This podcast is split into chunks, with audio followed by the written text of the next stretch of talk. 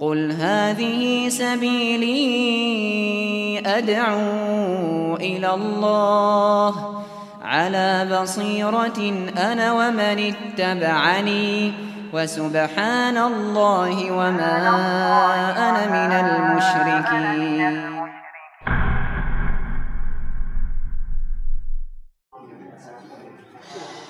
Bismillahirrahmanirrahim. Assalamualaikum warahmatullahi wabarakatuh. Alhamdulillah wassalatu wassalamu ala Rasulillah wa ala alihi wa man tabi'ahum bi ihsan ila yaumiddin. Allahumma inna nas'aluka ilman nafi'a wa rizqan thayyiban wa amalan mutaqabbala. Alhamdulillah kita bersyukur kepada Allah Subhanahu wa taala Salawat dan salam semoga tercurah kepada Nabi kita Nabi Sallallahu Muhammad.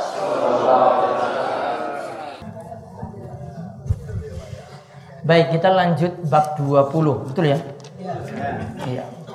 Tadi terakhir bahasannya apa? Tadi terakhir bahasannya apa? Berlebihan pada orang Orang soleh. Sekarang bab 21 20 kalau di sini halaman 90 nggih dibuka. Ada yang belum dapat buku? Nggih, Tay?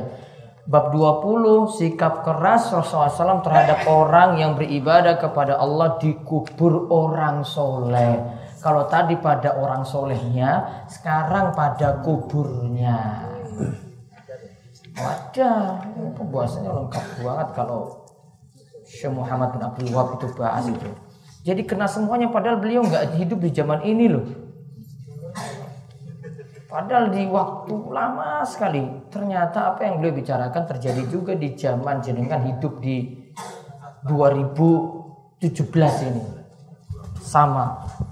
Nah, coba lihat judul bahasa Arabnya maja'a minat fi man abadallaha inda qabri rajulin soleh fa iza abadahu yaitu peringatan keras bagi seseorang yang beribadah pada Allah dikubur. beribadah pada Allah dikubur orang soleh. Bagaimana lagi dia nyembah orang soleh tadi? Ini pahami kalimatnya ini lihat. Dia beribadah dikubur orang soleh. Beribadahnya untuk Allah. Tempatnya dikubur orang soleh. Beribadahnya untuk siapa? Untuk Allah Paham ya? Bukan nyembah orang solehnya langsung, namun doa di situ ibadahnya untuk Allah. Maca Quran di situ lebih afdol katanya, lebih afdol di situ ibadahnya untuk Allah juga. Beri tumbal di situ tumbalnya untuk Allah, namun dikubur orang soleh. Ini belum belum sampai menyajikan ibadah pada selain Allah loh di sini. Belum dia minta pada selain Allah, belum, belum doa pada selain Allah. Cuma nganggap lebih afdol lakukan ibadah di kubur orang soleh ini. Ini belum ini.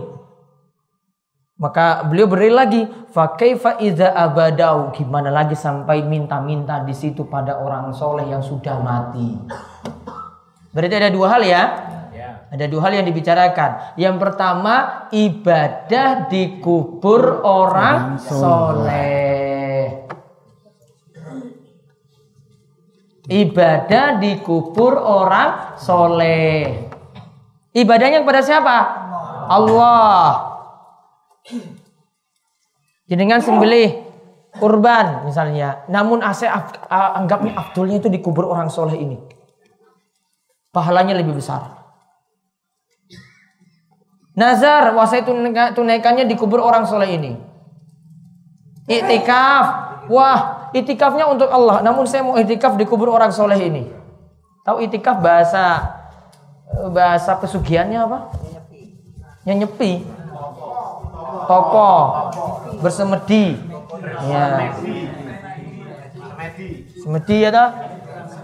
Semedi ya. Itu bahasanya orang pas ya Allah. Topo tadi ya, itu ada lewat kubur, ada petilasan-petilasan ya. Ada doa di situ dan ada ibadah lainnya. Ini paham ya? Jadi ibadah dikubur orang soleh. Ibadahnya untuk siapa? Allah. Sekarang ada bentuk yang kedua, ibadahnya pada orang soleh langsung. Berarti doanya pada orang soleh langsung. Mana yang lebih parah? Yang pertama apa yang kedua? Dua. Yang kedua. Tapi dua-duanya diingatkan di sini.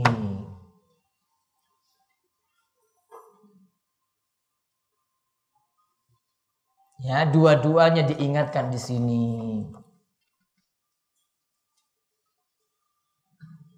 Sama-sama terlarang. Tamu yang lebih parah yang kedua. Syirik akbar kalau yang kedua. Minta doa. Bukan minta doa. Doa pada kubur orang soleh tadi. Sudah sekarang kita lihat. Ya. Pembahasan rincinya di sini. Lihat dibacakan. Jadi judul. Bab 20 sikap keras Rasulullah Shallallahu Alaihi Wasallam terhadap orang yang beribadah kepada Allah di kubur orang soleh. Rasulullah Shallallahu Alaihi Wasallam bersikap keras terhadap orang yang beribadah di kubur orang soleh. Lantas bagaimanakah sikap beliau kalau ada orang yang sampai menyembah kubur tersebut? Rasulullah SAW bersikap keras terhadap orang yang beribadah di kubur orang soleh ibadahnya untuk Allah. Lantas bagaimanakah sikap beliau kalau ada lihat orang yang nyembah-nyembah kubur, sujud di situ, minta-minta di situ, sholat di situ pada ahli kubur. Sholatnya untuk ahli kubur, doanya untuk ahli kubur. Dua hal dibicarakan langsung. Yang pertama lebih ringan daripada yang kedua, namun dua-duanya diingatkan. Terjadi nggak di zaman ini? Terjadi. Ada atau tidak? Bentuknya seperti apa, Bapak? Ziarah ke piye? Nah, wis paham toh? Yes. Ya. Itu berapa biayanya itu? 200. Tergantung walinya juga paling ya. Tergantung kuburnya. Antara jarak dekat jauh dan kuburnya mungkin juga ya. Tetap laris manis. Alasannya kedoknya itu budaya, ya toh? Nggih. Ngalap berkah. Ngalap berkah kita sudah bahas dulu belum? Sudah. Sudah ya? Ngalap berkah sudah lewat di sini. Baik, sekarang baca riwayatnya. Diriwayatkan diriwayatkan dalam Sahih Bukhari, Bukhari dan Muslim dari Aisyah radhiyallahu anha dia menuturkan bahwa Ummu Salamah radhiyallahu anha bercerita kepada Rasulullah Shallallahu alaihi wasallam tentang gereja yang dilihatnya di negeri Habasa. Tentang gereja yang dilihat di negeri Habasya. Habasya itu di mana Bapak-bapak? Ethiopia atau di Sudan Selatan, pokoknya di eh, Afrika bagian timur, tapi bagian timur utara. Ya. Terus beserta gambar-gambar yang berada di dalam gereja tersebut. Nah, jadi di gereja itu banyak gambar-gambar. Ya, kalau orang Muslim taruh gambar-gambar kiainya di situ juga mirip seperti tiang Nasrani. Ya, mirip. Ini di masjidnya ditaruh foto-foto wah ini kiai kiai wali-walinya semua dipasang di masjid. Situ ada, situ ada. Di arah kiblatnya nanti langsung kiai yang paling agung. Wah, mirip seperti gerejanya tiang Nasrani. Terus Nabi lantas bersabda yang artinya jika ada orang yang soleh atau hamba yang soleh di antara mereka yang meninggal, mereka bangun di atas kuburnya tempat ibadah dan menggambar wujud orang soleh tersebut di dalamnya. Mereka itu adalah sejelek-jelek orang di sisi Allah. Nah, Hadis riwayat Bukhari dan Muslim. Ulaika idza mata fihim rajulus soleh awil abdus soleh banau ala qabrihi masjida.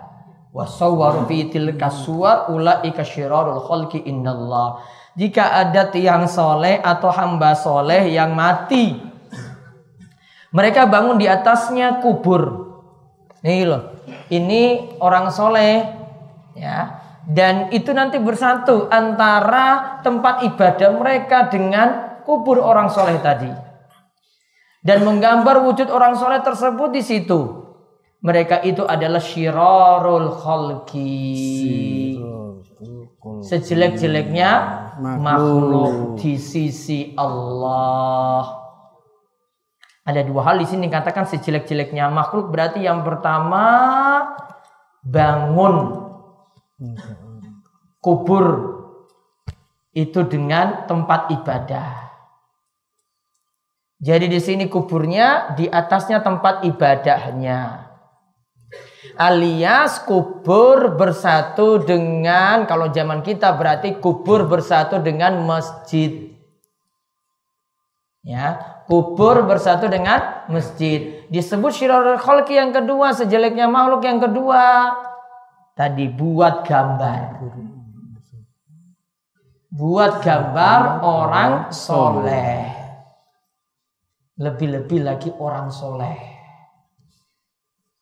Dua ya, dikatakan syirarul khalqi makhluk yang jelek dua. Yang satu apa? Membangun, Membangun kubur. kubur di atasnya itu tempat ibadah atau kalau kita kubur dan masjid dibangun berbarengan satu tempat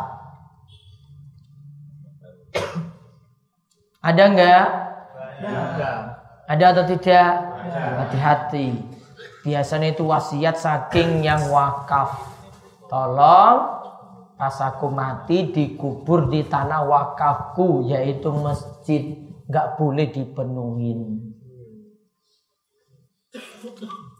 Ini wasiat yang tidak boleh dipenuhi. Kalau apa? Kan sudah mati. Waktu hidupnya, nah dia kan biasanya pesan nanti kalau mau meninggal dunia.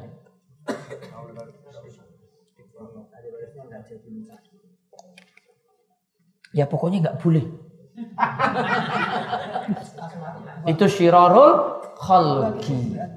Yang kedua, buat gambar-gambar orang soleh. Macam tadi gambarnya di tempat ibadahnya. Ketika lihat gambarnya tadi penuh sekali, sangat sekali mengagumkannya. Disebut syirarul khalqi. Sejelek-jeleknya makhluk. Hati-hati. Dan di sini lihat bahasanya terkait dengan yang kita bahas beribadah pada Allah di kubur orang soleh. Sama tadi dia buat tempat ibadahnya itu tadi dekat kubur kan, ya kan? Bersatu dengan kubur nggih. Berarti walaupun dia sholat untuk Allah, dia sholatnya untuk Allah, namun nganggapnya ini di kubur orang soleh ini lebih afdal. Kenapa Bapak? Kenapa nggak boleh? Oh, saya nyembah Allah kok. Kenapa nggak boleh? Sebagai sarana. Saya ibadahnya sholatnya untuk Allah. Saya ngadap kiblat. Iya. Selain itu apa? Sarana mendekatkan kesirikan. Sarana mendekatkan pada syirik. Itu masalahnya. Coba jenengan ya. Ya. Ini jadi ahli kubur misalnya. Nah. Saya ibadahnya untuk Allah nih. Saya ngadap sana. Samping ini kubur orang soleh loh. Awalnya saya nggak nganggap ini ini saya nggak minta ke situ. Namun kok Allahu Akbar. Aduh Masya Allah ini kok khusyuk sekali ya dibandingkan saya sholat di Masjid DS ya kemarin ya. Allahu Akbar. Ini khusyuk sekali. Oh berarti ini afdolnya tuh di sini. Setan berikan was-was nanti itu. Sudah. Kue dan kubur. Sholat situ saja. Itu lebih afdol. Lama-lama. Nganggap seperti itu kuburnya itu diminta. Makanya ini diberi catatan, catatan penting ini. Beribadah untuk Allah di kubur orang soleh adalah perantara menuju syirik. Beribadah pada Allah di kubur orang soleh adalah perantara menuju syirik.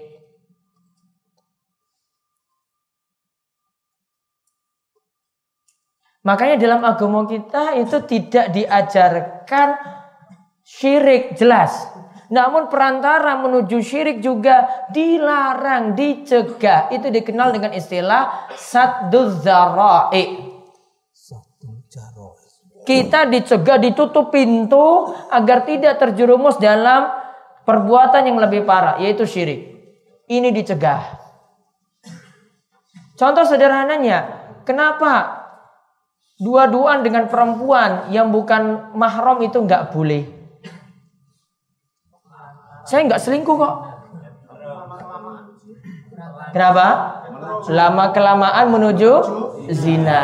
Peluangnya besar enggak? Iya cerak-cerak, dekat-dekat lagi.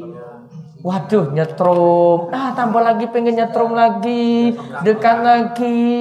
Terus akhirnya, ayo kita inilah sudah sudah senang sama senang kan? Orang masalah selingkuh, zina.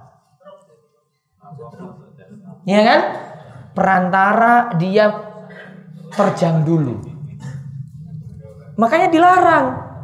Bukan hanya zinanya yang dilarang, namun perantara menuju zinanya juga dilarang. Itu namanya satu zara'i. Ditutup pintu ini. Gak boleh dua-duaan. Biar tidak sampai terjerumus dalam zinanya langsung. Coba kalau jenengan bilang, wah oke orang masalah kok aku orang selingkuh. Tunggu nanti, tunggu waktunya. Ya, tunggu waktunya. Ya. Tunggu waktunya lagi. Pelan-pelan itu akan diantar terus. Setan kan goda dari yang pelan-pelan dulu. Gak langsung suruh selingkuh. Ya, namun perantaranya dulu dilakukan. Syirik juga sama seperti itu. Paham ini ya? Jadi kesimpulannya tadi apa? Beribadah pada Allah di kubur orang soleh termasuk perantara menuju syirik. Walaupun tidak kita katakan syirik langsung, itu perantara, dilarang juga. Belum bisa dihukum syirik akbar. Wong saya belum berdoa kok. Saya kan ibadahnya pada Allah. Diharamkan. Sama tadi. Saya elus-elus Pak Kiai. Nganggap ini berkah. Syirik enggak? Atau perantara? Perantara. Nah, karena saya belum minta pada Pak Kiai. Saya datang ke kuburnya, ngambil tanahnya. Gimana? Perantara atau gimana? Kalau baru disentuh-sentuh saja belum. Namun kalau ambil lemahnya dibawa pulang, simpan di lemari, nganggap ini nanti laris. Berarti jadi syirik. Datang ke biasanya itu ada yang punya keyakinan, wah ini Masjidil Haram. Diusap-usap itu tiang-tiang Masjidil Haram. Ya. Ini kan kenyataan ini bukan saya buat-buat ini, ini kenyataan. Ini orang orang orang maaf ini negara lain yang buat sebelum negara Indonesia ini, sebelum orang Indonesia maaf. Ya, niru-niru. Uh, ini ada yang usap-usap itu tiangnya itu. Kalau polisi Saudi sudah tahu itu salah itu kayak begitu. Dia datangi polisi Saudi itu. Apa yang kamu usap-usap itu? Wah, iki dulu kanjeng Nabi itu Isra Mi'raj dari sini. Oh polisinya bantah lagi. Ngeyel kamu itu, tanya itu saya sudah ada di situ itu kantornya itu, tanya itu, ini emangnya dulu tempatnya siapa? Gur ngawur jawabnya. Orang Indonesia tahu kayak begitu, datang lagi usap lagi. Ya Allah. Ah. Kok niru-niru itu loh? Budaya gur niru. Syirik nggak? Hmm. Perantara. Nanti sampai dia yakin, wah saya usap-usap ini nanti dapat berkah. Allah kabulkan doa saya dapat berkah. Itu nanti baru masuk pada syirik. Jadi ingat ada yang jadi perantara, ada yang dihukumi sih syirik. Dua-duanya nggak boleh beribadah pada kubur orang soleh itu masuk perantara, tetap tidak boleh. Sebagaimana berdoa minta pada orang soleh yang sudah mati dalam kubur itu syirik akbar. Sudah paham ini ya? Nah, jadi pintar kan semua Muhammad bin ini jawab, bahas dulu itu perantara dulu. Gak usah dibahas minta pada kubur langsung. Itu jelas siriknya. Ini dicegah dulu, dilarang. Bahwa hadis seperti ini. Rasul sudah melarang seperti itu berarti. Terus.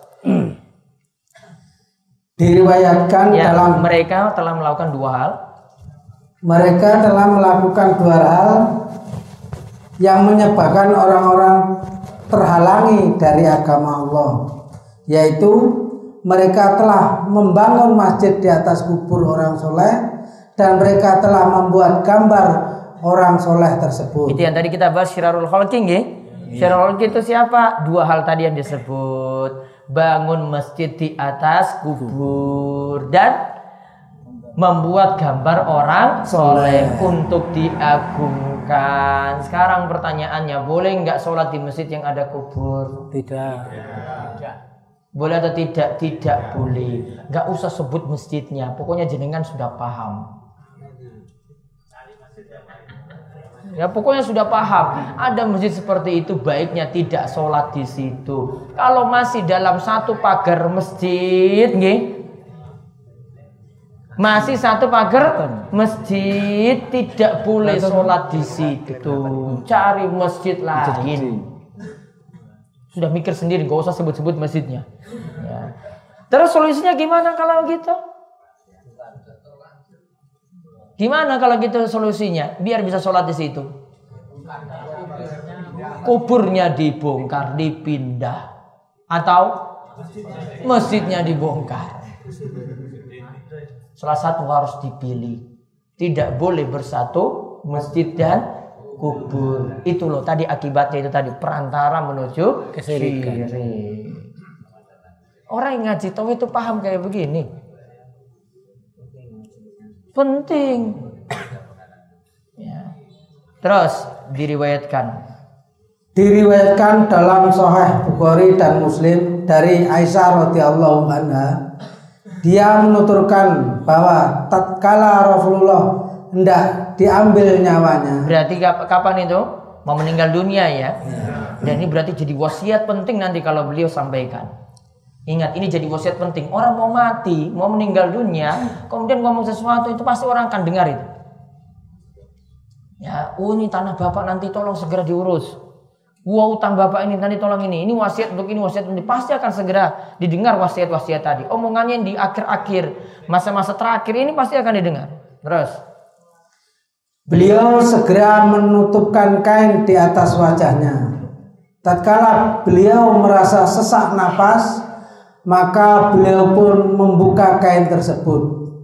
Dalam kondisi demikian itu, beliau bersabda, yang artinya Allah melaknat orang-orang Yahudi dan Nasrani karena mereka telah menjadikan kubur nabi-nabi mereka sebagai tempat ibadah. Laknatullahi alal yahud wan nasara ittakhadhu kubur anbiya'ihim masajid. Laknat Allah untuk orang Yahudi Nasrani. Mereka telah menjadikan kubur nabi mereka sebagai masjid. masjid. Jadi kan kalau dengar ini apa langsung merasa wah ini untuk Yahudi Nasrani saja atau untuk tiap muslim juga?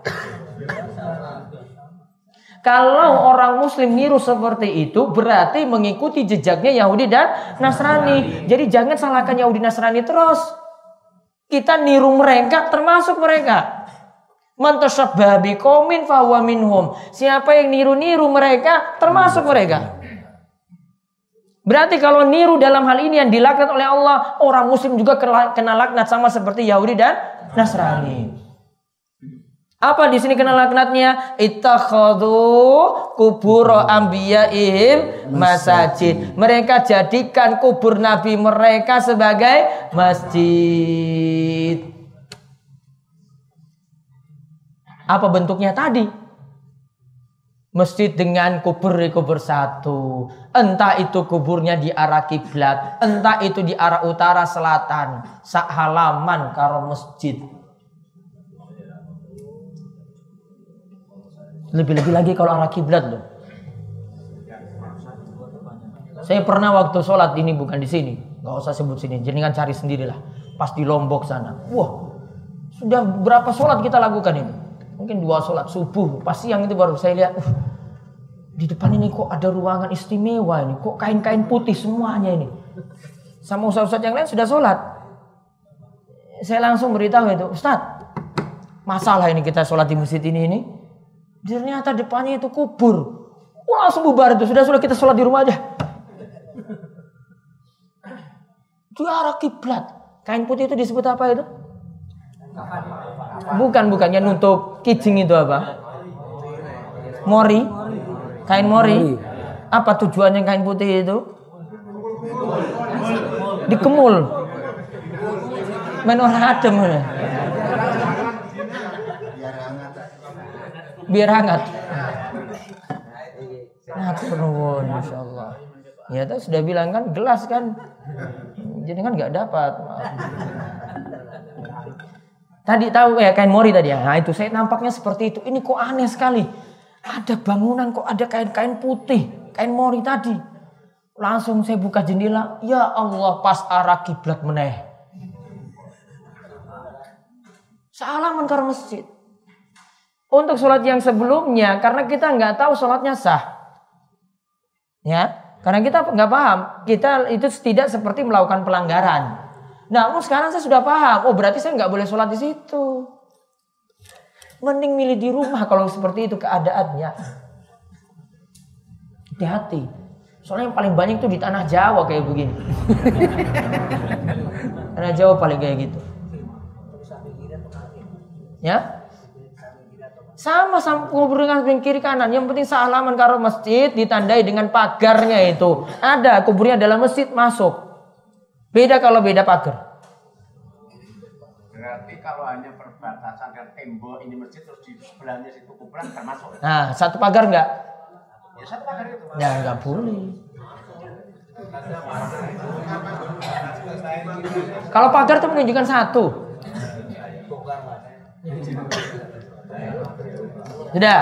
Itu tadi kenapa tadi kena laknat. Sama seperti Yahudi dan Nasrani kena laknat. Ini kubur Nabi mereka. Kalau kubur Nabi nggak boleh, orang-orang yang di bawah Nabi juga tidak boleh. Terus Rasulullah. Rasulullah memperingatkan dari perbuatan orang-orang Yahudi dan Nasrani tersebut.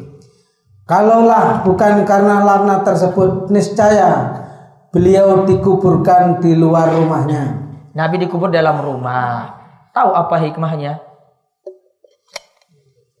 Ya coba taruh Nabi kuburnya taruh di luar sajalah. Jangan paham kalau kubur Nabi paham, taruh di luar gimana akibatnya? Lihat aja kubur kiai-kiai di luar itu gimana? Habis kata nanya, apalagi kubur kanjeng Nabi. Kubur orang biasa saja diagungkan kayak gitu derajatnya nggak seperti Nabi.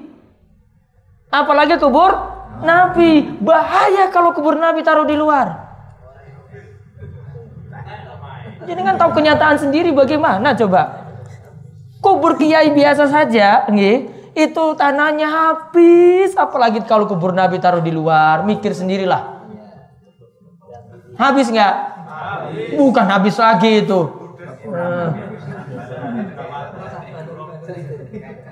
sak balung-balung yang entek udah Iya. Nanti ambil morinya tadi kalau ada kain morinya wah iki jimat iki ya. Ya nah, itu baru itu. Tanahnya ini wah ini pelaris ini, ini jangan ini, jangan dibuang ini. Saya dapat langsung dari kubur Nabi. ya, sampai digali-gali terus itu bisa. Ini baru kubur biasa loh. Apalagi kubur kanjeng nah, Nabi. Itulah hikmahnya kubur Nabi nggak ditaruh di luar dalam rumah. Makanya nggak ada yang tahu kubur Nabi itu bagaimana. Ya, jangan lihat foto-foto di Google itu, itu nggak benar itu. Mana orang mau mau lihat kubur Nabi? Orang mau dekat-dekat kubur saja dipentung sama polisi. Kalau nggak percaya, datang ke sana Masjid Nabawi. Jadi kan dekat-dekat coba. Eh pergi pergi pergi. Kenapa disuruh pergi? Biar nggak berlebihan pada kubur Nabi. Karena orang berhenti terus berdoa nih kubur sana itu. Ya Allah, kabulkanlah doa saya ya Allah. Gitu. Kiblatnya itu berlawanan arah. Paham ya? Kiblatnya itu berlawanan arah loh. Namun di hadap kubur itu, anggap itu usuk sekali berhenti. Orang berhenti lama di situ. Makanya ada polisi-polisi itu dengan pakaian yang pakaian putih, pakai ini, ya, pakai kutroh, ya, itu polisi amar ma'ruf nahi mungkar. Gak ada di sini. Itu lebih ditakuti daripada polisi itu. Ya, itu lebih ditakuti, itu lebih sangar. Kalau dia sudah bertindak itu habis di tengah itu ya. Coba kalau buka toko pas waktu azan itu, sudah polisi itu yang datang, siap-siap itu. Surat izinnya dicabut. Lebih kejam itu loh. Biasa ciri-cirinya itu jenggotan. Jenggotnya panjang. Itu biasanya. Jadi jenggot kalau jenggotnya biasa-biasa enggak itu, biasanya lebat itu tidak dipakai. Wah itu lihat, wah sangar ini. Itu enggak ada tuh polisi amar ma'ruf mungkar di sini kan? Enggak ada. Ya Pak Tentara. Enggak ada ya? Nanti kita pikir. Ya, bikin.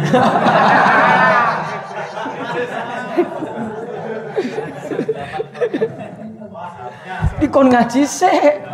Eh, itu semuanya ngaji itu loh. Baik. Tidak ya, lanjut tadi hanya saja dikhawatirkan. Hanya saja dikhawatirkan orang-orang akan menjadikan sebagai tempat ibadah. Nah itu, itu tadi baru kita bicarakan tanah. Itu kalau di luar lagi orang datang gimana coba? Doa nggak di situ? Ya, berdoa nggak? Mungkin ah, wah ini kubur Nabi saya sholat di sini khusyuk, wes nggak ada yang ganggu-ganggu lagi sudah ini kubur Nabi di sini saya sholat. Mungkin keyakinannya lebih lain daripada itu. Langsung sujud di hadapan kubur Nabi. Ya Allah, Nabiku. Angkatlah kesulitanku. Lebih loh dari itu. Makanya itu hikmahnya kubur Nabi itu di dalam rumah. Baru tahu, yuk ngaji makanya. Nah sekarang pertanyaan muncul, gimana kubur Nabi SAW itu di Masjid Nabawi? Ingat, Masjid Nabawi itu tambah diperluas. Dulu kubur dengan rumah nggak jadi satu. Namun karena ada perluasan, merembetlah ke rumah Nabi. Di situ ada kubur. Namun tidak ada dalam sejarah orang itu sholat di dalam rumah. Maksudnya sekarang ini orang datang ke Masjid Nabawi, masuk, saya ingin masuk ke rumah Nabi, saya sholat situ. Nggak boleh. Karena rumah itu bukan bagian dari masjid. Makanya dibuat kubahnya khusus. Ini menandakan bahwa ini bukan bagian dari masjid. Kubahnya khusus di atas. Warna apa? Hijau. Itu khusus. Itu untuk menandakan bukan bagian dari masjid. Nggak pernah ada yang masuk masjid Nabawi. Saya ketok pintu atau masuk pintu. Saya mau sholat di rumah Nabi. Nggak boleh. Tanda itu bukan bagian dari masjid. Itu loh perbedaannya. Kalau ada yang tanya kayak gitu, jangan ngel-ngelan. Ya, tahu cari alasan terus wah itu kubur Nabi itu barengan Masjid Nabawi kok. Itu tadi penjelasannya, makanya tahu sejarah. Ceritanya bagaimana? Dulu rumah dengan masjid nggak jadi satu. Terus terjadi perluasan. Ya terpaksa situ juga kena perluasan. Namun rumah itu tidak dijadikan bagian dengan mas masjid. Gitu loh. Dan gak ada orang yang boleh sholat di situ. Ini kan sebab dari orang-orang yang pingin pingin datang kubur suruh sholat di situ. Tidak. Tahu sejarah maka paham seperti tadi. Terus diriwayatkan. Diriwayatkan oleh Imam Muslim dari Jundab bin Abdillah radhiyallahu anhu dia menceritakan bahwa lima hari sebelum Nabi wafat dirinya mendengar Nabi Shallallahu Alaihi Wasallam bersabda yang artinya sesungguhnya aku telah menyatakan setia kepada Allah dengan menolak bahwa aku memiliki seorang khalil atau kekasih mulia dari kalian. Allah telah menjadikanku sebagai khalilnya. Sebagaimana dia juga telah menjadikan Ibrahim sebagai khalilnya. Kalau aku diperbolehkan menjadikan di antara umatku sebagai khalilku, niscaya aku akan menjadikan Abu Bakar sebagai khalilku. Nah, berarti aku akan pilih Abu Bakar. Berarti Abu Bakar itu nanti jadi ini tanda Abu Bakar harus jadi khalifah penerus Nabi. Karena kalau mau milih siapa khalil yang kekasihnya, Nabi akan milih Abu Bakar. Berarti ini tanda kalau meninggal dunia Abu Bakar teruskan ya kepemimpinan. Khalifahnya berikutnya Abu Bakar. Beda dengan orang-orang Syiah yang katakan Abu Bakar orang pantas. Yang pantas siapa? Ali bin Abi Thalib. Orang Syiah itu ngeyelan kok. Ya. Bilang Ali bin Abi Thalib. Ada yang lebih lagi daripada itu. Nganggap bukan Ali bin Abi Thalib saja yang penerus. Nganggap nganggap itu Jibril. Itu salah beri wahyu. Harusnya nggak datangi kanjeng Nabi Muhammad. Harusnya datangi Ali. Ngawur tenan toh. Jibril salah kasih wahyu loh. Salah alamat. Harusnya ngetok rumahnya Ali, namun ngetok rumahnya Kanjeng nah, Nabi. Itu maksudnya. Milan itu isi itu. Salah satu alirannya kayak gitu loh. Iya, mungkin ada lagi rewang sudahlah saya. Wah itu ngawur meneng. Ngilan tuh sih ah. Ada yang lebih lagi daripada itu. Bukan hanya Jibril salah kasih wahyu. Ada yang kultuskan Ali jadi Tuhan. Doanya pada Ali. Maka buku ini paling ditakuti oleh orang Syiah ini. Ini habis orang Syiah dibantah di sini. Gak mungkin ngaji kayak begini orang Syiah itu. Ya, gak mungkin. Yang pertama ngagung-agungkan kubur itu orang Syiah, Rafidah. Ya, yang agung-agungkan orang soleh berlebihan kuburnya tadi saya kira cerita tadi sampai merayap merayap sampai datang ke kuburnya itu orang Syiah duluan itu ditiru nanti oleh orang Indonesia itu tadi kan sukanya niru toh iya Jadi Abu Bakar lebih mulia daripada Ali. Urutannya Khulafaur Rasyidin. Setelah Nabi Muhammad Abu Bakar, Umar, Utsman, Ali. Itu menurut al sunnah seperti itu. Abu Bakar, Umar, Utsman, Ali. Kalau Syiah enggak, Ali taruh di depan. Abu Bakar Umar gimana? Abu Bakar Umar kafir. Itu menurut Syiah. Ini sih tadi. Tadi aja bilang wahyu saja nyasar ke kanjeng Nabi kok. Salah ngasih itu coba. Ya Allah, ngece sekali itu. Jadi kan kalau ketemu orang Syiah itu mau ngapain sama dia itu? ditabuk di ini biar kapok ini. Terus Abu Bakar tadi lanjut. Ketahuilah. Ketahuilah. Ya, enggak itu dipencet. Nah. Oh, wes entai. Ah, ada baik lagi?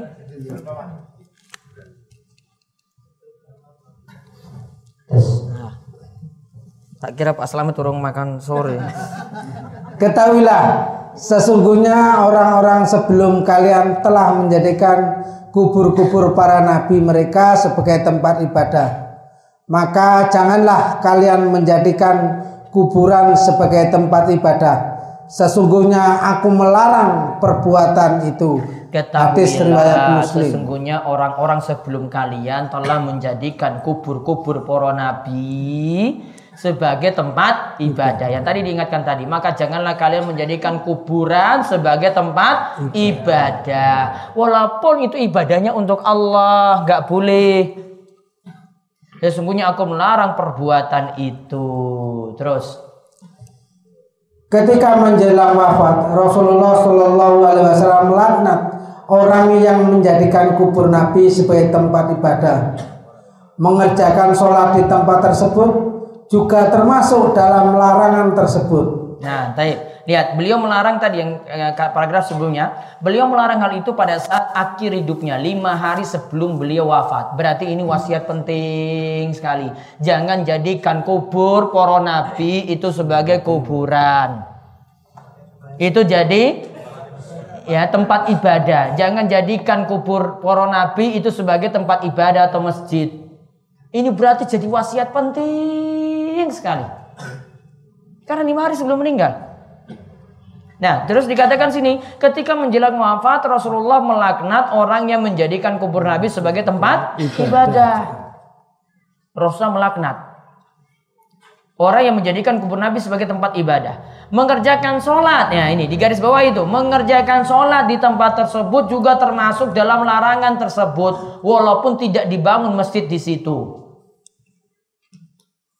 Kita sholat ini kuburan. Jadi nggak datang sholat di situ, ngadap kiblat. Sholatnya untuk Allah, tidak boleh. Dan apa tidak boleh? Perantara menuju Kesirikan. syirik. Terus, inilah makna Inilah makna perkataan Aisyah. Hanya saja dikhawatirkan kalau kubur beliau akan dijadikan tem- sebagai tempat ibadah. Ya. Para sahabat pun tidak menjadikan tempat di sekitar kubur beliau sebagai masjid. Segala tempat yang dimaksudkan untuk mengerjakan sholat berarti telah dijadikan sebagai masjid. Bahkan segala tempat yang digunakan untuk mengerjakan sholat itu dinamakan sebagai masjid. Segala tempat yang digunakan untuk mengerjakan sholat itu namanya masjid. Berarti kalau kita itu sholat di kubur walaupun sholatnya untuk Allah. Berarti menjadikan kubur tadi sebagai masjid. Karena yang namanya tempat sholat kita namakan masjid. Dalilnya lihat. Hal ini Hal ini sebagai sabda Rasulullah Shallallahu Alaihi Wasallam yang artinya bumi telah dijadikan untukku sebagai tempat ibadah dan alat untuk bersuci. Ju'ilat lil ardu masjidaw wa tahura. Bumi ini sudah dijadikan sebagai masjid. Di mana pun boleh sholat. Kecuali kap- kecuali di mana? Kubur sama kamar mandi. Wa tahura. Tanah di muka bumi ini semua boleh dijadikan alat untuk bersuci. Maksudnya apa? Tayamum boleh pakai tanah apa pun di muka bumi. Nggak mesti debu. Ya, kalau menurut mazhab Syafi'i cuma debu saja. Boleh pasir, boleh batu, ya. Yang penting itu sesuatu yang ada di permukaan bumi. Kalau temboknya sudah pakai cat enggak, kecuali ada debu. Kalau kocornya resik enggak, kecuali ada debu. Tempat duduk jenengan ketika di pesawat resik apa? Ono debu, resik. Masa pramugari biarin itunya penuh debu, yo dipecat ya. Sudah dipakai vakum itu ditarik debunya, ya ada debu. Mau tahu debunya di mana? Di pesawat, di lantaimu itu kalau di pesawat lihat itu bekas-bekas injakan itu ada debunya. Namun ingat di pesawat itu ada air, bapak-bapak. Masih cukup nggak? cukup. Oh, kayak saya ora sholat kok masih cukup. saya tuh jawabannya gampang. Emang satu pesawat semuanya sholat? Ya, Nah, semuanya pakai air itu utuh? Enggak, sudah dipersiapkan untuk air stok air itu cukup. Iya kan? Iya cuma malas saja. Lain kali kalau numpak pesawat, ingin sholat lima waktu, ke toilet ambil air. Karena air masih ada, nggak boleh pakai pengganti. Ya, ini saya kritikan juga untuk jamaah haji ini. Kalau saya kalau bawa jamaah umroh saya nggak mau kayak gitu. Itu ke toilet sana ada air. Kalau airnya nggak cukup siapa bilang nggak cukup? Mangnya sini semuanya sholat apa? Kalaupun sholat nggak mau juga mau pergi ambil air. Ya toh? ambil air sana. Ambil air pakai di situ. Yang penting kan airnya nggak netes ke bawah gampang. Kakinya gimana nanti? Bawa botol aqua ini diisi terus disiram di toiletnya situ sambil siram kaki. Rampung. Nggak tak nggak pernah wudhu dalam keadaan darurat sih. Ya, darurat darurat itu penting. Gitu loh Pak. Tayamum terus. Mugi-mugi sesuk munggah umroh meneh. Ya. Ya toh? Terus ya diulang lagi. Iya. Gitu. Waduh. Soalnya wingi ki orang ngaji sih. Langsung munggah haji.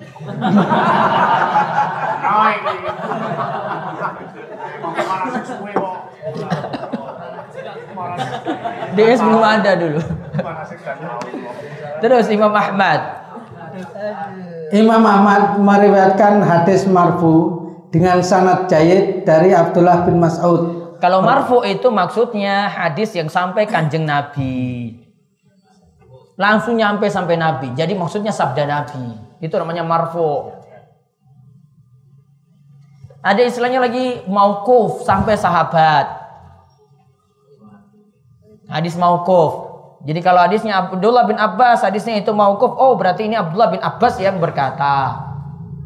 Ada lagi maktu. Maktu itu cuma tabiin. Al Hasan Al Basri berkata, namanya hadis maktu. Maktu. Kol-kolah. Tua. Angel ini apa? Ngulang apa? Huruf-huruf ini kol-kolah. Kalau saya masuk desa terus ngomong, wah, bah, kowe iki angel banget ya. Tak ulang bahasa Arab ya. Ora tau ning Arab soalnya. ya. Jayid, sanad jayid itu sanad antara Sahih dan Hasan. Antara Sahih dan Hasan disebut jayid. Karena kalau saya nggak jelas saya tanya langsung ke ulama maju ke mejanya. Jahit itu apa Syekh? Oh jahit itu antara baina sahih wal hasan. Baina yaitu antara sahih dan hasan tengah-tengah bisa diterima. Dari Abdullah bin Mas'ud. Gimana dia berkata baca? Yang artinya sesungguhnya sejelek-jelek manusia adalah orang yang masih hidup ketika terjadi hari kiamat Berarti apa? Jangan nunggu sampai hari kiamat, pengen mati mau ketemu hari kiamat. Orang yang ketemu dengan hari kiamat nanti, gunung-gunung meletus, tsunami besar. Itu berarti orang yang paling jelek. Wah aku pengen urip terus, biar nanti ketemu hari kiamat, biar nanti nonton itu gunung-gunung meletus. Berarti kamu punya makhluk paling jelek. Karena setiap yang masih punya iman, itu akan dimatikan dengan angin yang berhembus nanti di akhir zaman. Ya, dengan angin yang berembus pada akhir zaman. Gitu. Terus dan orang dan orang yang menjadikan kubur-kubur sebagai tempat ibadah. Menjadikan kubur-kubur sebagai tempat Ibadah. ibadah. Itu namanya syirarun nas atau syirarul khalqi, sejelek-jeleknya makhluk. Kandungan bab. Kandungan bab 1. Komentar Rasulullah Shallallahu alaihi wasallam terhadap orang yang membangun tempat ibadah untuk beribadah kepada Allah di kubur orang soleh walaupun niat pelakunya sebenarnya baik. Nah, Rasulullah SAW komentari, orang yang bangun tempat ibadah untuk ibadahnya pada Allah. Namun dikubur orang soleh, niatannya baik sekali. Niatan baik belum cukup. Mau ibadah bukan hanya niatan baik. Ibadah harus pakai tun tunan. Kalau Rasul larang ya nggak boleh.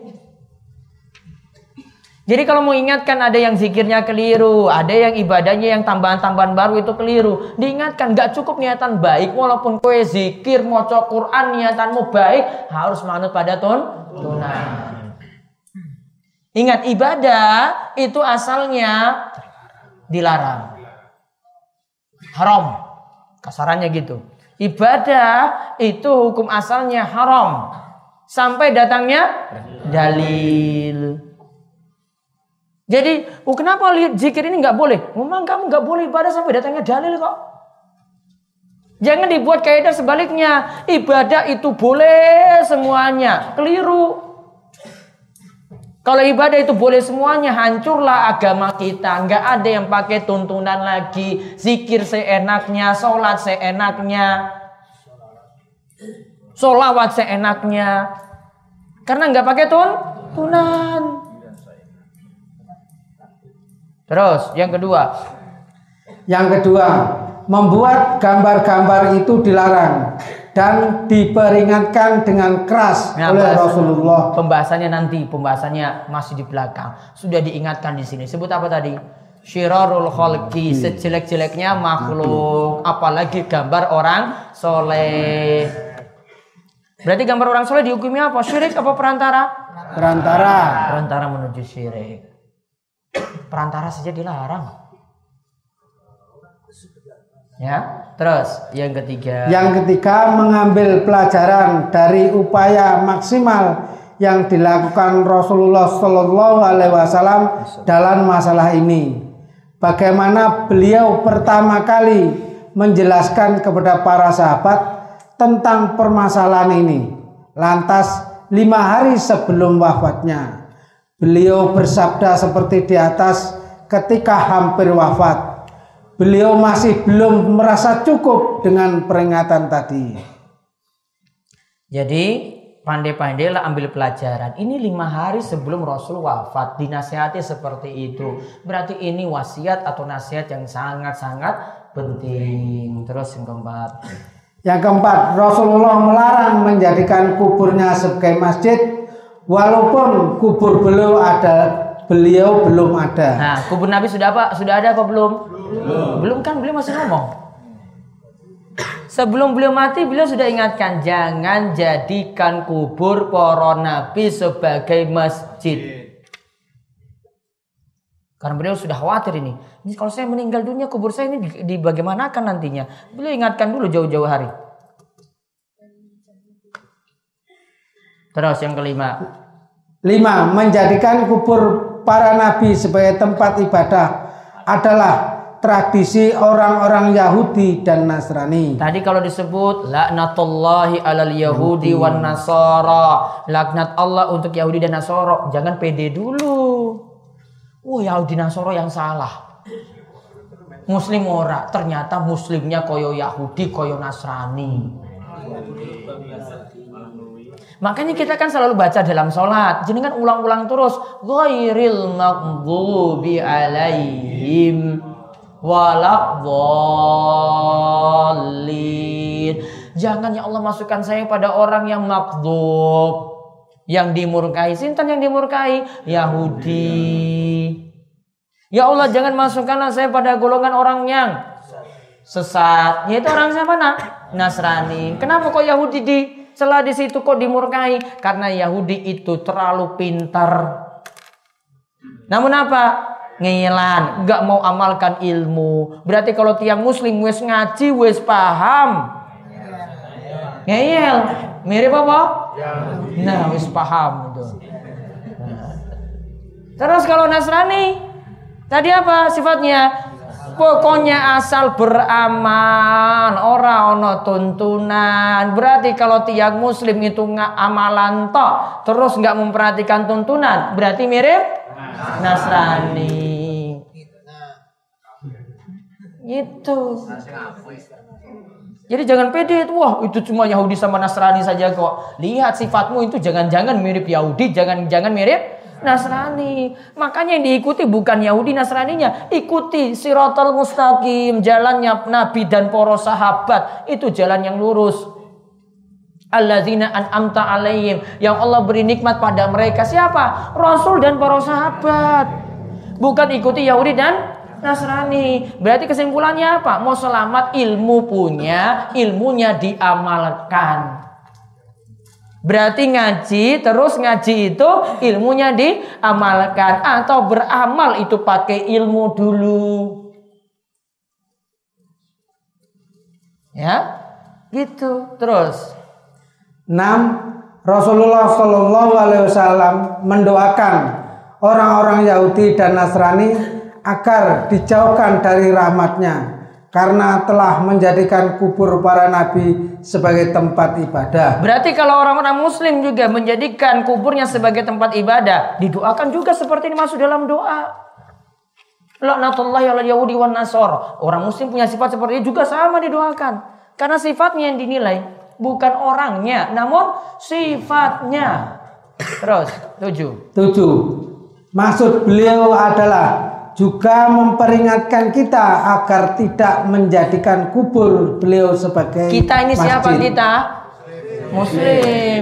Terus 8. 8. Alasan mengapa kubur Nabi tidak diletakkan di luar rumah? Alasannya kenapa? Biar tidak disikapi berlebihan pada kubur tadi. Yang kedua, biar tidak ada ibadah di situ. Dan ini perantara nanti menuju Kesyirikan. syirik. Terus, Sembilan, makna menjadikan kubur sebagai tempat ibadah. makna menjadikan kubur sebagai tempat ibadah. Karena kalau kubur sudah dijadikan tempat ibadah namanya masjid. Padahal tadi kita dilarang, ya tadi yang dilaknat ittakhadhu kuburo anbiya'ihim masajid. Menjadikan kubur para nabi sebagai masjid, yaitu ada ibadah di kubur itu. Terus yang ke Sepuluh, Nabi menyamakan, menyamakan antara orang yang menjadikan kubur sebagai tempat ibadah dengan orang yang masih hidup ketika terjadi hari kiamat. Setelah itu, beliau menjelaskan jalan yang bisa mengantarkan seseorang kepada kesirikan sebelum kesirikan itu terjadi. Dan akibat akhir dari perbuatan syirik itu yaitu kekafiran. Nabi menyamakan antara orang yang menjadikan kubur sebagai tempat ibadah dengan orang yang masih hidup ketika terjadi hari kiamat. Kan tadi di hadis yang terakhir. Ya, ada orang yang kan yang ingin hidup sampai hari kiamat padahal dia itu sejelek-jeleknya makhluk. Setelah itu beliau jelaskan jalan yang bisa mengantarkan seorang kepada kesyirikan. Sebelum kesyirikan itu terjadi dan akibat akhir dari perbuatan syirik itu. Dan ini kalau disamakan menunjukkan dua-duanya jelek. Dan ini juga kalau disamakan menunjukkan ini terjadi, banyak terjadi di akhir zaman ini loh. Makanya dulu itu banyak eh, tayangan-tayangan di televisi, ini juga peringatan gitu. Eh, ini biasanya ditunjukkan wisata-wisata ke bekas-bekas kubur. Bukan, nabi-nabi. Jejak apa? Jejak Rasul itu hati-hati. Apa tujuan yang pelajari kayak begitu? Biar orang datang ke situ kan? Terus apa manfaatnya datang ke situ? Hah? Ibadah nanti di situ. Hati-hati loh tayangan kayak begitu. Malah menyesatkan kita. Cukup sejarahnya saja yang dipahami. Ngapain kita ngurus-ngurus kuburnya sekarang? Kuburnya juga belum jelas kan? Kuburnya juga belum jelas dia tunjukkan tempat situ mana buktinya kalau ini kubur Nabi Adam, ini kubur Nabi Nuh, ini kubur Nabi Isa misalnya. Nggak bisa dibuktikan. Cuma jari ini, jari ini, kubure. Iya tak? Iya. Masa cuma kayak begitu saja? Butuh bukti otentik. Ya, butuh bukti akurat bagaimana. Hati-hati. Dulu itu tayangan-tayangan gitu ini terus ya biasa pagi hari itu. Mudah-mudahan bisa dihapus biar orang nggak salah paham tentang tayangan semacam itu. Terus yang ke-11. Yang ke-11, khotbah yang Nabi sampaikan lima hari sebelum wafat mengandung bantahan terhadap dua sekte. Dua sekte ini adalah ahlu bin'ah yang paling jelek. Bahkan sebagian ulama telah mengeluarkan dua sekte ini dari 72 golongan yang ada dalam umat Islam. Kedua sekte ini adalah Rafidah dan Jami'ah. Lantaran orang-orang Rafidah ini maka terjadilah kesirikan dan peribadatan kepada kubur. Nah, orang-orang Syiah Rafidah tadi, Bapak-bapak sekalian, itulah yang jadi sebab orang-orang agungkan kubur yang saya sebutkan tadi. Jadi orang Syiah itu sudah takut dengan buku-buku semacam ini, maka nyebut itu jenengan itu sebagai Wahabi. Karena dulu sebelumnya itu ada suatu aliran juga namanya Wahabi juga sama. Ya, namun bukan Muhammad bin Abdul Wahab yang ini. Ada aliran juga seperti itu, alirannya keras. Beda dengan ini. Namun untuk nakut-nakuti, wah itu hati-hati dengan wah, wahabi. Namun kalau di Indonesia itu jadi beda lagi pengertiannya. Ya pokoknya yang nggak mau setuju dengan tradisi-tradisi semuanya disebut wahabi. Terus 12. Jadi Rasa mereka adalah sakit. orang-orang yang pertama kali membangun masjid di atas kubur. Kuburan. Berarti yang membangun masjid di atas kubur pertama kali itulah orang-orang Rafidah. Sebagian ulama itu kafirkan orang Syiah, sudah keluar dari Islam. Kalau dikatakan keluar dari 72 golongan kan Islam terpecah dari 73 ya toh? Satunya yang selamat yaitu Firqatun Najiyah, golongan yang selamat. 72 itu diancam neraka, tidak disebut masuk neraka total enggak, diancam neraka. Siapa yang selamat ini? Alusunnah wal jamaah. Siapa orangnya? Presidennya siapa Alusunnah wal jamaah? Hah? Siapa pemimpinnya sekarang? Sudah berbayat apa belum? Sudah daftar jadi anggota apa belum? Karena itu bukan partai, itu bukan organisasi, itu bukan ormas, itu pemahaman. Gak usah butuh presiden-presidennya. Ya. Gak usah butuh bayat-bayatnya daftar anggota. Jadi kan gak usah daftar-daftar saya masuk golongan alusna wal jamaah. Daftarnya berapa? Nggak perlu. Kalau kayak gitu gampang sekali buat. Bikin bendera sendiri, nanti bikin kaosnya lagi, bikin seragamnya lagi. Nggak butuh seperti itu. Siapa yang berada alus sunnah itu artinya yang pegang teguh sunnah Nabi, ajaran kanjeng Nabi, wal jamaah bersatu di atas kebenaran, walaupun ada di Papua sana, di Aceh sana, di pelosok selatan sana dari Gunung Kidul. Walaupun sendirian. Wal jamaah itu artinya pegang teguh kebenaran, walaupun dia seorang diri tengah hutan sendiri.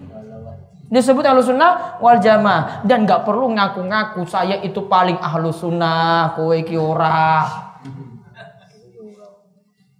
Ya, saya itu paling ahlu sunnah wal jamaah daripada kamu. Ngapain ngaku-ngaku buktikan saja. Kulun yadda'i waslan bil laila wa laila lam nukiru illa bidzat.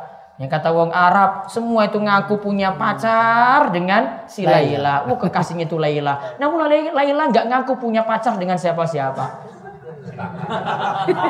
Paham ini maksudnya? Semua ngaku ahlu sunnah wal jamaah. Namun nggak benar itu klaim-klaimnya tadi. Ya. Iya kan? Iya. Nggak perlu ngaku-ngaku. Buktinya apa? Kamu itu ahlu sunnah wal jamaah. Buktinya mana? Ya, buktinya iki ora sholat, buktinya itu orang ngaji, buktinya itu nggak mau eh, pelajari tauhid. Gimana mau disebut ahlu sunnah wal jamaah? Guru ngaku tok. Maka yang tadi nggak perlu bayat, nggak perlu pakai pemimpin. Jadi kalau mau cari siapa pemimpinnya, nggak ada di muka bumi ini siapa pemimpinnya. Ulamanya ada. Yang kasih ilmu ada, ulama-lamanya masih hidup. Namun siapa pemimpinnya nggak bisa jenengan cari. Mau cari bayat di mana, daftar anggotanya di mana, bayar berapa, nggak akan dapat. Daftar anggotanya itu di mana, nggak akan dapat kayak begitu. Nomor WA-nya ada nggak? Ya apalagi Pak. Karena nggak butuh pengakuan, sudah buktikan saja, sudah. Pembuktian. Biar termasuk dalam golongan yang satu tadi. Tidak masuk dalam 72 golongan. 72 golongan itu macam-macam loh pemikirannya. Ada Jahmiyah, ada Rafidah, ada Qadariyah, Jabariyah, ada Mu'tazilah, ada Murji'ah, ada Khawarij, macam-macam. Satu orang itu zaman ini itu bisa semua aliran sesat ada dalam dirinya. Ya, bisa satu aliran satu dan ada dalam dirinya. Satu pemikiran ini, wah, satu orang ini pemikirannya Khawarij, pemikirannya Rafidah, pemikirannya itu Qadariyah, Jabariyah. Jadi 72 golongan ada dalam satu orang bisa. Bisa seperti itu, campur aduk. Zaman ini kayak gitu. Makanya itu pemahaman. Maka mau tahu ini ustadznya bagaimana, lihat aja tuh pemahamannya. Pegang dalil enggak? Al-Quran pegang enggak? Hadis pegang enggak? Jangan-jangan guru asal ngomong saja. Ya, Itu ada. Ada tuntunan. Paham ya? Tadi al-sunnah wal jamaah kayak gitu. Ya, jangan anggap ini aliran-aliran baru lagi mana aliran baru wong saya nggak pernah ngaku-ngaku kok. Ya, terus yang ke-12. Rasa sakit yang dialami Rasulullah Shallallahu Alaihi Wasallam di saat menjelang ajalnya sama sama dengan manusia biasa. Nah itulah lihat Rasulullah SAW saja bisa sakit. Maka anehnya kalau orang itu nggak bisa sakit, pakai ilmu kebal. Kok pingin perang, lakukan pengisian dulu, biar nanti jadi kebal. Rasul itu kita sudah dengar dulu pembahasan perang Uhud dulu. Rasul itu sampai gara-gara ya beliau nggak pakai ilmu kebal, tetap luka juga. Masa ada yang lebih mulia daripada Rasul pengen pakai ilmu kebal coba? Kalau enggak ilmu itu bermasalah. Nah ini malam ini yang punya ilmu kebal ini mudah-mudahan tobat ini main di rukiah langsung.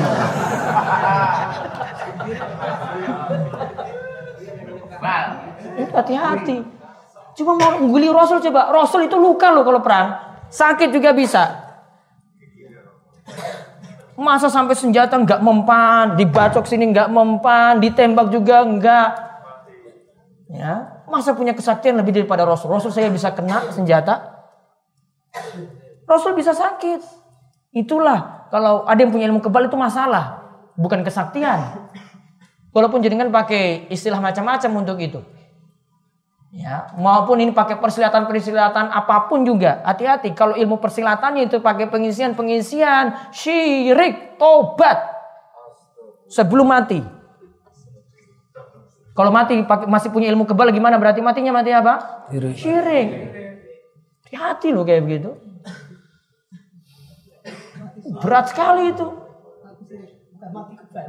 Bukan mati kebal.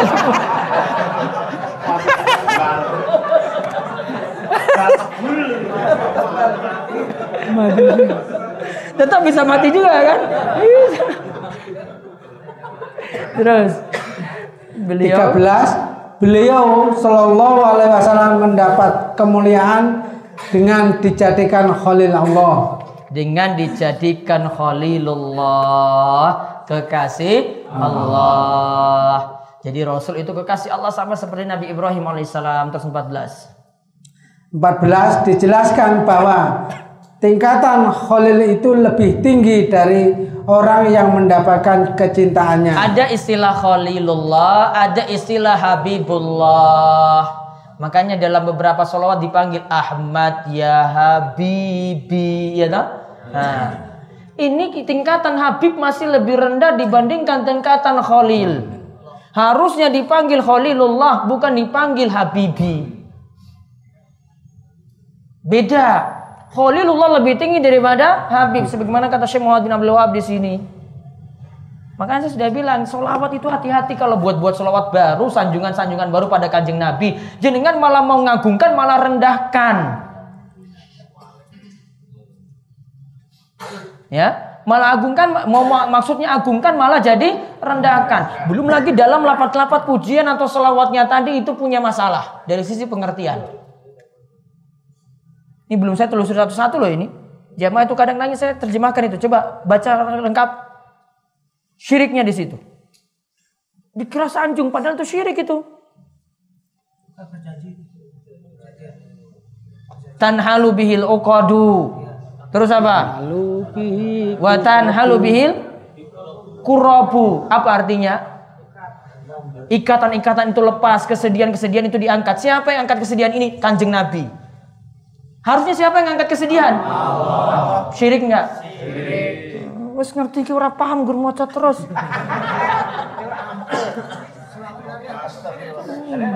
Itu selawat apa tadi? Nah, ya sudah. Ya orang ngerti ya, makanya ngaji itulah susahnya itu orang Indonesia itu nggak paham-paham terus dimoco terus tanhalu bihil kodu wa tanhalu bihil kurobu. Nggak paham ini maksudnya di sini. Mungkin kalau dia tanya saya bilang baca salawatnya lengkap coba baca. Siriknya di situ.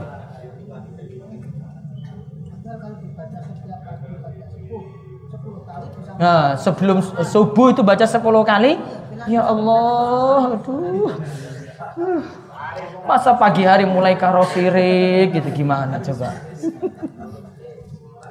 Makanya pakai pujian, solawat pada kanjeng Nabi yang sudah Nabi ajarkan saja wes cukup loh. Apa yang paling utama solawatan?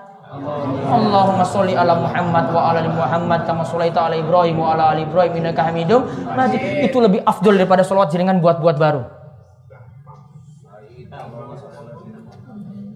Gitu. Terus 15 dijelaskan bahwa Abu Bakar As-Siddiq adalah sahabat yang paling mulia. Abu Bakar As-Siddiq adalah sahabat yang paling mulia karena mau milih kekasih Rasul pilih Abu Bakar sebagai kekasihnya. Terus 16 pernyataan Rasulullah Shallallahu Alaihi Wasallam di atas adalah sinyal bahwa Abu Bakar akan menjadikan khalifah. ini jadi sinyal bahwa Abu Bakar akan menjadi khalifah. Wonten pertanyaan satu dua Pak Syoto langsung.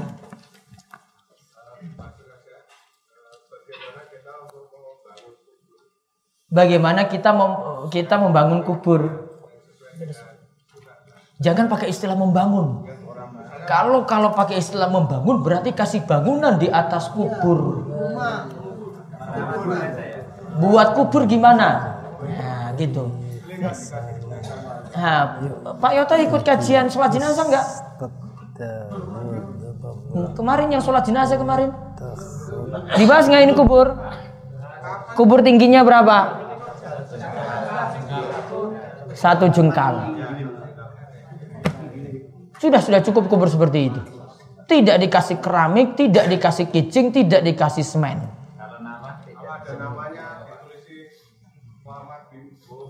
Walau alam tulis saja seperti itu. Taruh di kepala.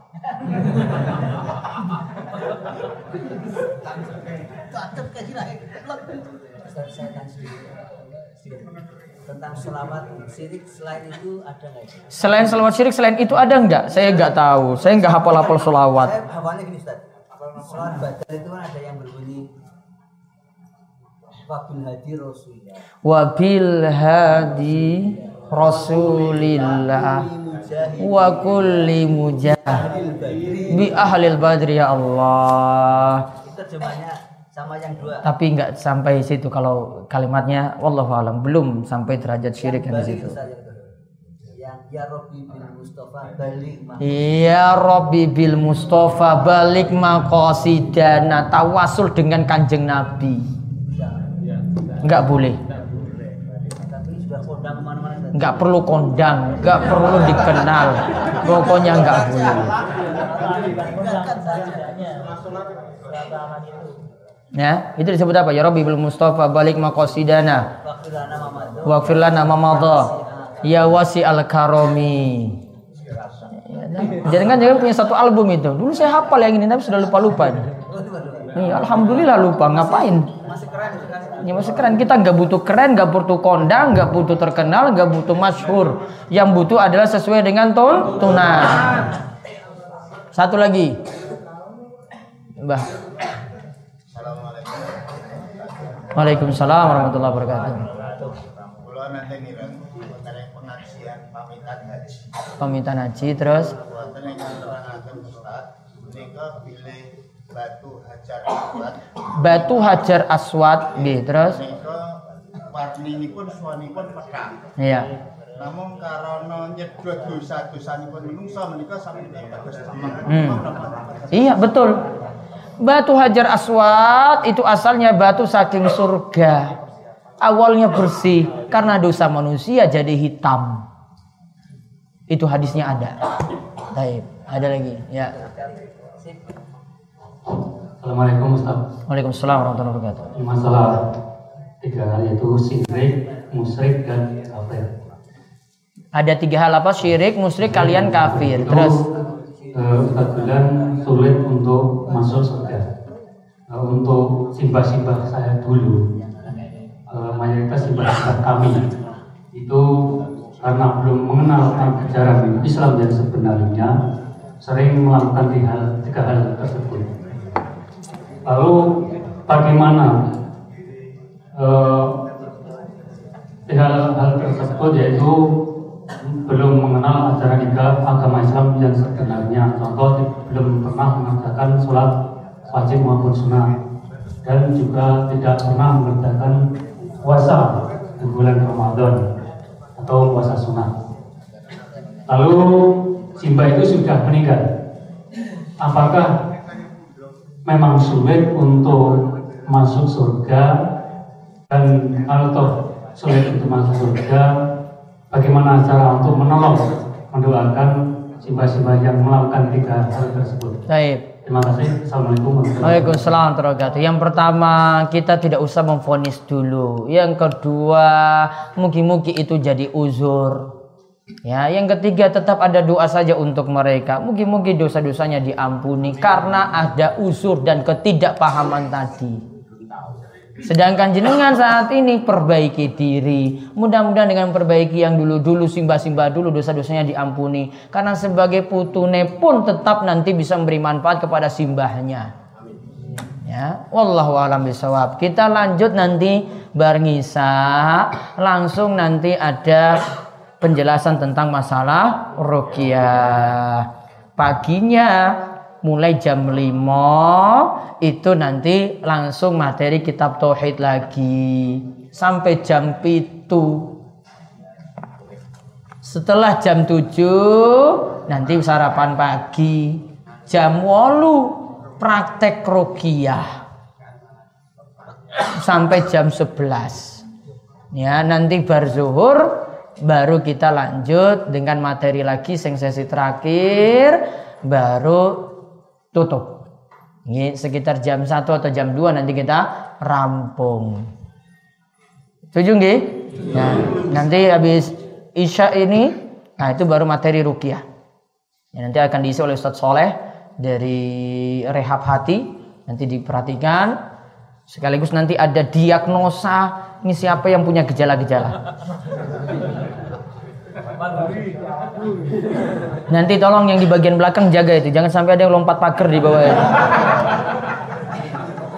Iki tenan iki. Kalau wis kumat dia nggak but nggak tahan lagi pintu situ nggak bisa sana nggak bisa sudah langsung lompat situ loh. Ya, nanti mudah-mudahan bisa apa berulang kali pelatihan rukiah ini sehingga jenengan jadi pakar juga bisa ilmunya bermanfaat untuk mesti jenengan di tempat masing-masing. Ya, itu saja saya tutup nanti bar maghrib silakan makan malam sampai ngisa. Ya, untuk waktunya itu istirahat nanti baru ngisa baru kita lanjut dengan materi lagi. Demikian kita tutup kalian doa kafaratul majelis. Subhanakallahumma bihamdika asyhadu an la ilaha illa anta astaghfiruka. Assalamualaikum warahmatullahi warahmatullahi wabarakatuh.